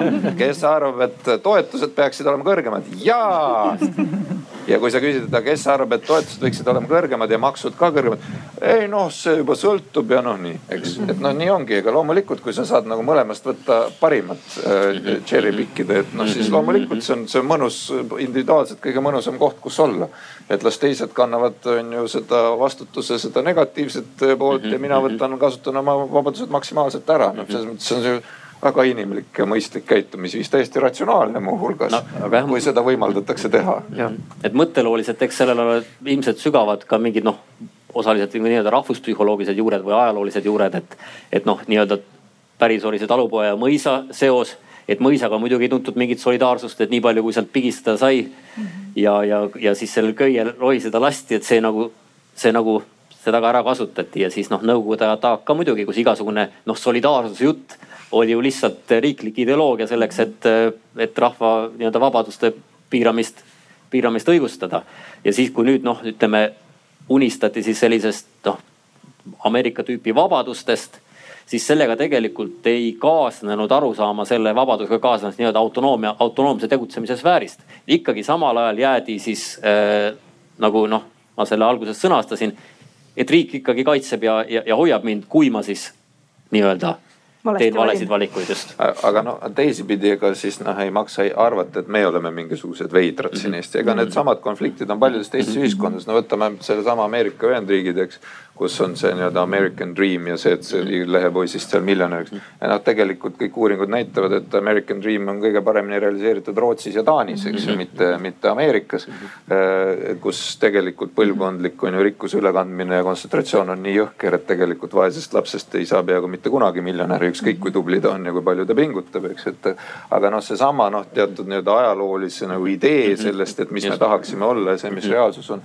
et ega need konfliktid on, on igal pool teravad. see on jah väga õige, et seal on see kontrast võib-olla selle vahel veelgi suurem, kuidas tegelikult see sinu sünnimaja posti, postkood on kõige parem ennustaja, kuidas see tulevikus minema hakkab. ja samal ajal on siis jutt sellest, et sa oled nagu self-made man mm. -hmm. et noh, self-made man siis küsid, et noh, kui sa oleksid äh, sündinud Ghanas nagu vaese talumehe peres, mitte siis äh, idaranniku sellises keskklassi peres saanud hariduse Harvardis, et, et kas sa oleks täpselt samale tulemusele jõudnud oma nagu enese saatuse juhtimisega, siis noh, vastus on kindlasti negatiivne. nii äh,, meil on veel aega, et publik saab sekkuda ja sa, ma juba näen ühte kätt ja kohe tuleb äh, teile ka mikrofon, ma olen kindel äh,. see mikrofon on eelnevalt tehtud puhtaks äh,. ja siis saate, saate küsida oma küsimuse või esitada oma kommentaari. tere er,, Ervin olen, et äh, mul küsimust ei olegi, aga on kaks sihukest mõtet või kommentaari, et äh, et äh, rääkisime ennem äh, prefrontraalkortekstist ja kaheksateist aastast kui nagu vastutusvõimelisest east, et. Äh, et mul on lihtsalt kaks kahtlust, et esimene on see, et võib-olla meie aju on jäänud sinna nagu savanni aega ja võib-olla oli nagu viga sealt puu otsast alla tulla üldse. et võib-olla meie kaasaegne ühiskond ja areng on lihtsalt nii kiire, et ainukesed täpsed teadmised meil on nagu tagantjärgi, mis oli õige, mis oli vale et kui me nagu proovime luua nagu selliseid õigeid otsuseid või, või teha nagu õigeid valikuid nii-öelda lihtsamini kättesaadavaks või, või nügi, nügida õige, nendes suunades. et eh, võib-olla see on natukene liiga optimistlik. ja teine tähelepanek on see, et, et, et kuna see ühiskond ja üldse elukorraldus on nii keeruline, et me eh, sisuliselt kõik oleme justkui lapsed, et, eh, et siis nagu näiteks Hararigi väidab, et meid on juba sisuliselt algoritmide poolt ära häkitud et me ise enam ei juhigi tegelikult oma valikuid, vaid neid tehakse meie eest. või nagu siin juba enne mainiti, et me tegelikult ei käitu ratsionaalselt, et, et võib-olla natukene, see ei olegi küsimus, see on lihtsalt mõttekoht, mõttekohad. et, et mis on õige, mis on vale, me tegelikult ei tea olevikus tihtipeale ja noh, koroonaviirus ja vaktsiinid on kindlasti väga-väga värsked asjad ja teine asi siis jah, see, et, et võib-olla, võib-olla me ei olegi enam ise kontrollis. nii et võib-olla see on keegi teine. aitäh. nii aitäh, aga, aga peegeldused paneelist? no puu otsa tagasi ei saa ronida aga, aga ütleme niimoodi, et kui me nüüd seda, kui me no, nüüd prooviksime. mõni on selle..., aga kõik ei mahu siiagi aga kui me võtaksime selle ettepaneku nagu natukene niimoodi äh, äh, alla, allakäigu Alla- jõest saab ikka ainult allavoolu minna, on Nietzsche öelnud. jah, aga teha., on, on ju kindlasti mingeid asju, mida me saaksime teha selleks, et oma elu selles mõttes lihtsamaks teha, eks, et nagu ma ei tea, kahandada mingisuguseid valikuid või kahandada mingisuguseid võimalusi, et me tekitame seda nii-öelda, et see komplekssus, mis meid muidu ümbritseb, mis teeb otsustamise keeruliseks, mis teeb, võib-olla suurendab seda võimalust, et teeme valesid otsuseid, et siis me ikkagi ütleme, kuulge, me näeme, et me oleme ehitanud süsteemi, mis on meie endi jaoks liiga keeruline lihtsustame veidi, loobume mõnest asjast no too praktiline näide. ei no ajaloo evolutsiooni jooksul need instinktid, mis meil on, eks ole, need shortcuts, mental shortcuts, need ongi ju see, et sa ei suudagi kalkuleerida, sul ongi vaja kiire otsus teha intuitsiooni põhjal, aga noh jah, et nüüd, kas me nüüd oleme nüüd nii teistmoodi, et need, need otsused töötavad tegelikult meie vastu. et. aga no mingi noh, näiteks sellesama, mis puudutab näiteks seda valeinfot ja noh, seda info ülekülluse ja aju õhku lendamist sellega kontekstis, no see, see on tõenäoliselt on mingil määral nii et me ei noh, et me ei oskagi selles olukorras, kus äh, nii-öelda info autoriteetsus on, on muutunud drastiliselt, noh, selles mõttes, et nii-öelda autoriteedikeskusi on tulnud juurde sealhulgas siis pseudoautoriteedi keskusi ja nende vahel vahet teha on, on kasvavalt keeruline, kui sa ei kuluta väga palju aega selleks. et siis see kahtlemata on, on, on olnud ajule kohutavalt koormav ja, ja sellest tulenevalt noh, ka toonud kaasa kindlasti ka erinevaid ühiskondlikke tagajärgi, aga negatiivseid. aga mis, mis see lahendus on, see on, see on nagu keerulisem küsimus. Et noh, see, et noh, et lülitame midagi välja, no noh, tore on, aga no mis, mismoodi see praktiliselt võiks toimida, et taastame autoriteetsed uudised. no mismoodi me seda teeme, eks. ei no seda võib-olla jah mitte, aga ma mõtlen nagu, ma ei tea, et. ei no on mingid, on mingid eluvaldkonnad, kus me nagu aktsepteerime seda näiteks noh, näiteks Google Maps on ju, et ta pakub sulle selle hea teekonna ja ta teab, kuidas sul, kus sulle meeldib sõita ja kus sa oled harjunud sõitma, kus ei ole ummikut ja see on okei okay.. Hetkel ole on, aga kui ta hakkab näiteks reklaami järgi sind juhtima, mida ta mõnes Jaa. kohas juba teeb, et, et viia sind läbi sealt kuskilt on ju poekesest. Just. Ja- siis, siis enam ei ole ja autoriteeti. või no, või no miks, eks ole, see, see skandaal seal Ameerika valimistega, eks ole, et kui, kui, kui pol- sinu poliitilisi valikuid hakatakse mõjutama, eks ole, mitte seda, kus sa õhtust sööd, vaid, vaid just nimelt nagu poliitilisi valikuid, et siis see tundub meile, et see ei ole aktsepteeritav, aga see, et mulle reklaamid tulevad selle järgi, mida ma eile guugeldasin, noh sellega ma olen vist juba harjunud ja, ja paljud sellest ka võidavad, et ma käisin hiljuti autoretkel ja mulle ausalt öeldes on, olin, olen täielikus vaimustuses Google Mapsist. see, kuidas ta minuti pealt ütleb, kus see ummik algab, kus ta lõpeb äh,, kus on lähim ujumiskoht. ta teab minust rohkem kui ma ise. aga ühe, üks, üks negatiivne kogemus võib sinu usalduse ka e- erodeerida muidugi. selle Google Maps'i suhtes ja noh, põhiküsimus ikkagi ongi see, et kuhu kadus kõik see usaldus. Nii-öelda Mm. noh, seesama nii, resümeerimegi. sama taandumine, taandumine siis sellesse tribalismi, et sa, et sa usud oma naabrinaist mm -hmm. paremini kui siis seda õpetatud eksperti no ma lisaks võib-olla siia vastusõna juurde, et äh, eks see koroonaaeg on ka teadlasi proovile pannud, et, et reaalselt teadlased vaidlesid pandeemia alguses, kas viirus levib õhu kaudu või mitte teadlased pidid prognoosimudeleid looma, mis sõltusid väga tugevalt inimeste käitumisest, sest kui numbrid läksid ülesse, inimesed eneseregulatsiooni kaudu ka ju tõmbasid kokku ja, ja ei liigutanud ja ei läinud nii palju avalikkus ja need, need prognoosimudelid kogu aeg ka muutusid, et siin Krista Fischer tahab ka kommenteerida, kes on tegelenud nende prognoosimudelite ja sõnumite andmisega, et jah, natukene jah, selle Lili jutuga haakuvalt tahtsin jah kommenteerida, et eks siin oli juttu sellest, et see suurem vabadus, see, see eeldaks nagu paremat haridust, et demokraatia eeldab haridust ja ma ütleks nagu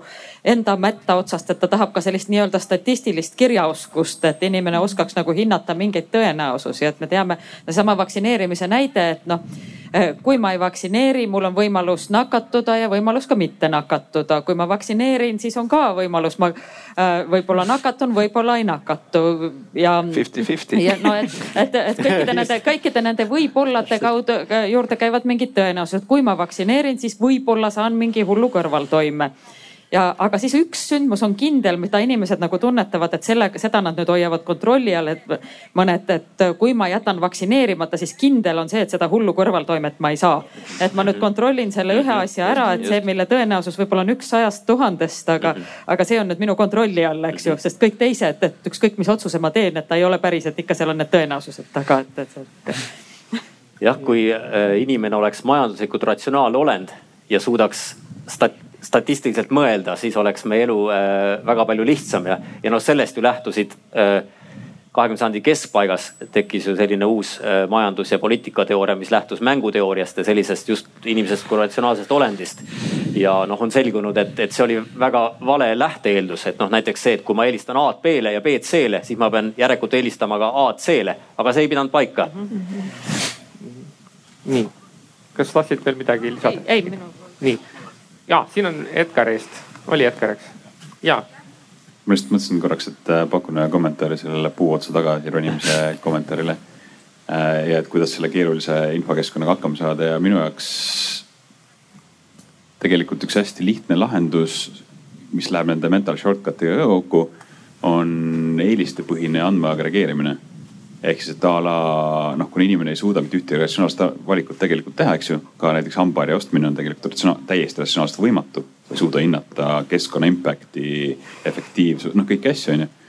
aga analüütika suudab. ja kui see analüütika nagu Google Maps või mis iganes teenus sul siis taga on, onju suudab sinu eelistuste põhiselt öelda, et jah, et äh, sina eelistad efektiivsust, keskkonnasäästlikkust ta annab sinna mingisugused skoorid, mingid indikatsioonid ette ja saad teadlikumalt valida juba sinu eeltöödeldud andmete põhjal. siis see tegelikult teeb seda asja kõik lihtsamaks, eks ta ehk siis põhimõtteliselt intellekt, tark andmeagregatsioon, mis muudab miljonist muutujast võib-olla kümne või saja muutujani. aga kas see, see eeldab vist seda, eks, et sa usaldad seda? ei, see ei, mitte seda, mina, minu meelest see eeldab seda, eks, et sa käitud oma tegelike eelistuste kohaselt no,. seda küll. et no selles mõttes minu tegelik eelistus on olla paremas vormis, kui ma praegu olen ja süüa vähem suhkrut, kui ma praegu seda teen, onju. aga noh, ma faktiliselt ju teen täpselt nii palju trenni, kui ma teen ja söön nii palju suhkrut, kui ma söön, onju, eks, et kui nende põhjal minu elu soovitusi teha, siis noh, saad aru, paremaks ei lähe midagi. sind muffini poeni kohe. et, et see, no see on üks asi ja teine asi on siiski seesama andmete usaldus. no võtame vaktsiini teema veel kord, eks, et see, et, et no ma mäletan kunagi äh, minu ministriks oleku ajal me hakkasime siis pakkuma tasuta võimalust tüdrukuid HPV vastu, inimpapilloomviiruse vastu vaktsineerida, et kaitsta emakakaelavähi vastu. üks viimane Euroopa riiki, kes, kes seda tegi. ja siis äh, no ma mäletan pikki aastaid veel äh, jätkuvasti ja veel, veel pikki aastaid seda diskussiooni, mis mu Facebooki seinal siis toimus selle, selle uudise all, eks ju, nende Äh, antiväkseritega mõnusas sellises rütmis. et, äh, et noh, nagu Lili ütles, et nad usuvad lugusid, on ju noh, et, et kui sa paned seal mingisuguse on ju metauuringu seal, mis näitab, et see on ohutu ja niimoodi, aga näed viitega mingile Jaapani blogile, et seal jäi kellelgi jaapanlannal jäi laps jalutuks noh, mul on ühel pool metauuring, temal on, on ju blogi, mille usaldusväärtus, ma ei, ma ei kujuta ette, kas selline laps üldse on olemas, eks ju, kas no ja mis temaga juhtus ja miks temaga juhtus.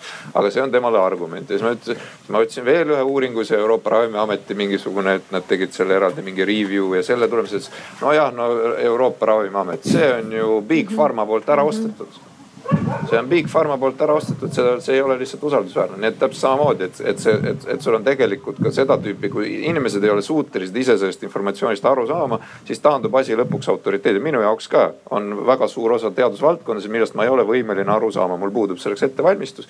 ja kogu küsimus on tegelikult selles, kas ma usaldan seda informatsiooni, mida ma loen, neid järeldusi, mida ma selle pealt loen. no võtame teise tänase aktuaalse teema, kliimamuutused, eks ju. no mitte keegi ei ole ju tegelikult võimeline seda mingi AR kuue on ju physical science peatüki läbi lugema, no siin ma, võib-olla keegi on, tõstke käsi. tuhat lehekülge on ju sellest, et, et mis, mis seal on, eks. aga noh, me usaldame, mina usaldan seda tööd, mida nad, nad teevad ja sellest tulenevalt ma usaldan ka neid järeldusi aga kui sa ütled, oh need on mingisugused seal nii-öelda ära ostetud on ju korrumpeerunud suurkorporatsioonid on selle taga. no siis ausalt öeldes ükskõik, mis nad seal kirjutavad, et, et, et see ei muuda mitte midagi, sa võid agregeerida neid ühte ja teistpidi, eks ju, sa võid muuta nii-öelda väljundi väga seeditavaks. aga kui usku sellesse usaldusväärsusesse ei ole, siis see ka ei tööta nii, aga võib-olla siis katsuks äh, tõmmata otsad kokku võib-olla veidi positiivsematel nootidel. et ähm, ma annaks siis teile kõigile võimaluse teha sihukene noh, sihukene noh, kuidas on sihukene lõpu väljaütlemine on ju. eks, et äh, võtate paari lausega kokku saate ja siis saate öelda publikule, et näete, kui te lähete täna siit koju, võtke see üks mõte endaga kaasa. et äh, mis see võiks olla või kuidas te tahaksite seda meie vestlust niimoodi kokku suruda? slogani, ühte sloganisse no,? no mina enda poolt noh, see, see küsimus, millega ma tulin ja tegelikult noh, ma aimasin seda vastust ette, et, et noh, kui me räägime sellest nii-öelda omavastutusest reaalselt juriidilises või meditsiinilises mõttes, et siis on noh, nii-öelda praktikas sisuliselt teostamatu aga noh, ma arvan, et, et mis mõte võiks kaasa tuua, tõesti on ka see, mida Kadri rõhutas, et, et seesama solidaarsuse aspekt, et, et, et, et noh, inimesed, kes räägivad oma vabadustest, et nad mõtleksid tegelikult, et mis siis sellega kaasneb või mis koorem mul sellega kaasneb, kui ma seda vabadust loovutada ei taha, et, et mis ma pean nagu moraalses mõttes enda peale võtma. eeskätt teiste kaitseks, kogukonna kaitseks. noh, inimesed ütlevad, mis asi see kogukond on, kogukond ongi teised inimesed et me oma otsustage, otsustamisega mõjutame teisi inimesi, oma lähedasi ja, ja kaugemaid ja, ja, ja võõraid ka, kelle suhtes on meil ka mingid kohustused. ja siis lõpuks iseenda suhtes. ja noh, meie enda kaitsmine on ju ka noh, nagu me siin alustasime, et, et, et mõjutab kõiki inimesi meie ümber. et just see nagu oma peas eh, paremini korda saada, see, see süsteem ja siis võib-olla see mingil määral jõuab ka, ka käitumisse mm Eh, mina ütleks lihtsalt eh, filosofeerimise kiituseks, et katsume, ehm, katsume võtta aega, et nendel võib-olla abstraktsetel teemadel nagu mõtiskleda ja mitte kohe siis intuitiivselt otsustada, kas päh või väkk või et, et see on õudselt raske. intuitiivselt otsustada, et jee. jah, jah, et, et anname veits aega, et aeg on see, mis aitab inimestel ratsionaalsemalt mõelda. koos mõtlemine on ka hea asi Äh, ja mis veel aitab ratsionaalselt mõelda, on see, et me arutleme nendel teemadel ka siis, kui ei ole mingit tohutut kriisi ja, ja ka kogu, kogu asi juba mustvalgeks aetud, eks. Äh, ja pooled on juba valitud, vaid kui meil ongi aega nagu koos veidi mõelda nendel teemadel ja noh, eks see Arvamusfestival olegi üks hea näide sellest. et aitäh kuulamast. noh no aitäh sellesse kutsesse, sellisesse filosoofilisse vestlusse, et äh, Äh, uus huvitav kogemus. aga ma võib-olla tule, läheks siit ära sõnumiga, et äh, inimesed on loodud erineva võimega analüüsida teadusuuringute tulemusi, äh, ka hinnata, milline info on usaldusväärne, milline ei ole. Ja et me peaksime olema kannatlikud, kaastundlikud ja see on meie kõigi ühine ülesanne, et et kõik meie naabrid, koristajad, kolleegid, poetöötajad, kõik suudaksid äh, hinnata vaktsiine, vaktsineerimist targaks valikuks. ja no jah, ma arvan, et äh, ma püüan ise lähtuda ja, ja kutsun teisigi üles äh, mõtlema selliselt, et, et kõik ühiskondlikud vabadused on tegelikult olemas tänu teistele inimestele et nad on ainult ühiskondlikus selles ühisruumis üldse võimalikud. ja sellest tulenevalt noh, see töötab ka teisipidi. et, et kui ühiskondlikult leitakse, et, et indiviidi vabadust tuleb ühes või teises aspektis piirata, siis noh, seda tasub mõtestada selle sellises võtmes nüüd varahaidegerlikult, et, et kõik Äh, individualistlik on tegelikult ka ühine ja kõik, igas ühises on tegelikult äh, ka, ka individualistlikku, et, et need ei ole sellised noh eraldiseisvad mõisted, mis on, mis on rangelt eraldi. ja et kui ma nüüd äh, ei tee seda, mis ma ise tahan, et siis see ilmselgelt on nagu minu isiku vastane et vastupidi, et kogukondlikult solidaarne käitumine on ka üksikisiku huvides ju tegelikult. Ja teise mõtteterana, kui võib, härra moderaator, ähm, siis et, et ehkki paljudel hetkedel kahtlematult frustreerib see äh, inimpsühholoogia äh, põhituum, et, et me ei ole kunagi lõpuni ratsionaalsed, siis tegelikult on see ilus et sellest sünnib ju palju hääd ka. et, et inimesed käituvad emotsionaalselt ja mitte alati lõpuni läbimõeldult, nii et ei maksa seda nüüd liiga traagiliselt ka võtta, elame veel ja läheb ikka paremaks. suurepärane, aitäh kuulamast ja head päeva jätku teile. selge see, et ega kõike teha